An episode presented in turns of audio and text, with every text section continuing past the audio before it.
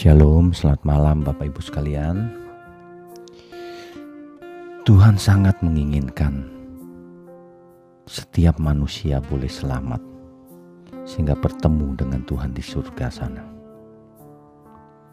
Tetapi manusia itu sendiri yang menentukan bagaimana ia meresponi anugerah Memang tidak ada manusia yang bercita-cita untuk ke neraka. Di mulut selalu mengatakan ingin ke surga.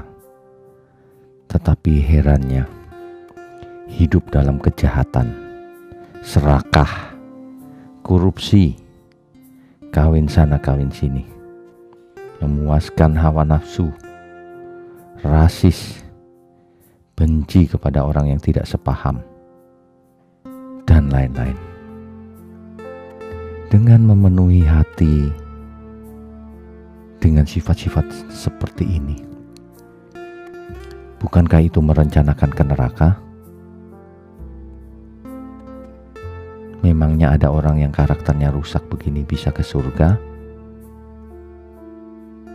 Banyak orang sedang bermimpi ke surga, tapi faktanya melakukan kejahatan di mata Tuhan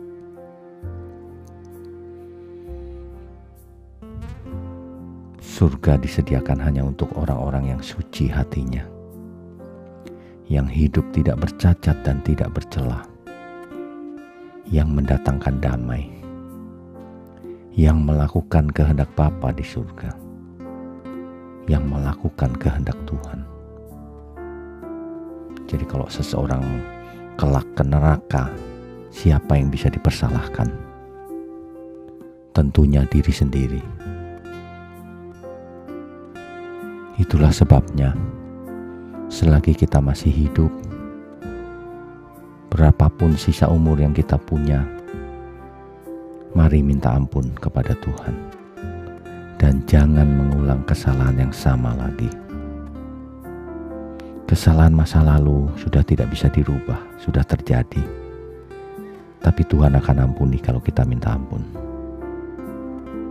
Tetapi ke depan, jangan buat salah lagi Ayo kita berubah.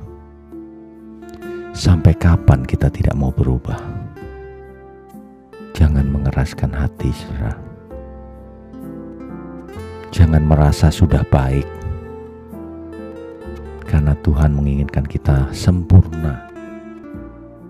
Artinya, tidak ada batas di mana kita boleh berhenti bertumbuh. Mari kita fokus yang benar belajar yang benar. Apa pun keadaan kita hari ini, percayalah Tuhan menginginkan kita kembali ke pangkuannya, kembali ke ajaran yang benar, berubah seturut kehendaknya. Kiranya malam ini boleh membuat keputusan untuk bertobat lagi Selamat malam, selamat tidur malam, selamat istirahat. Tuhan Yesus memberkati. Kebenaran ini saya percaya mengubah setiap kita. Amin.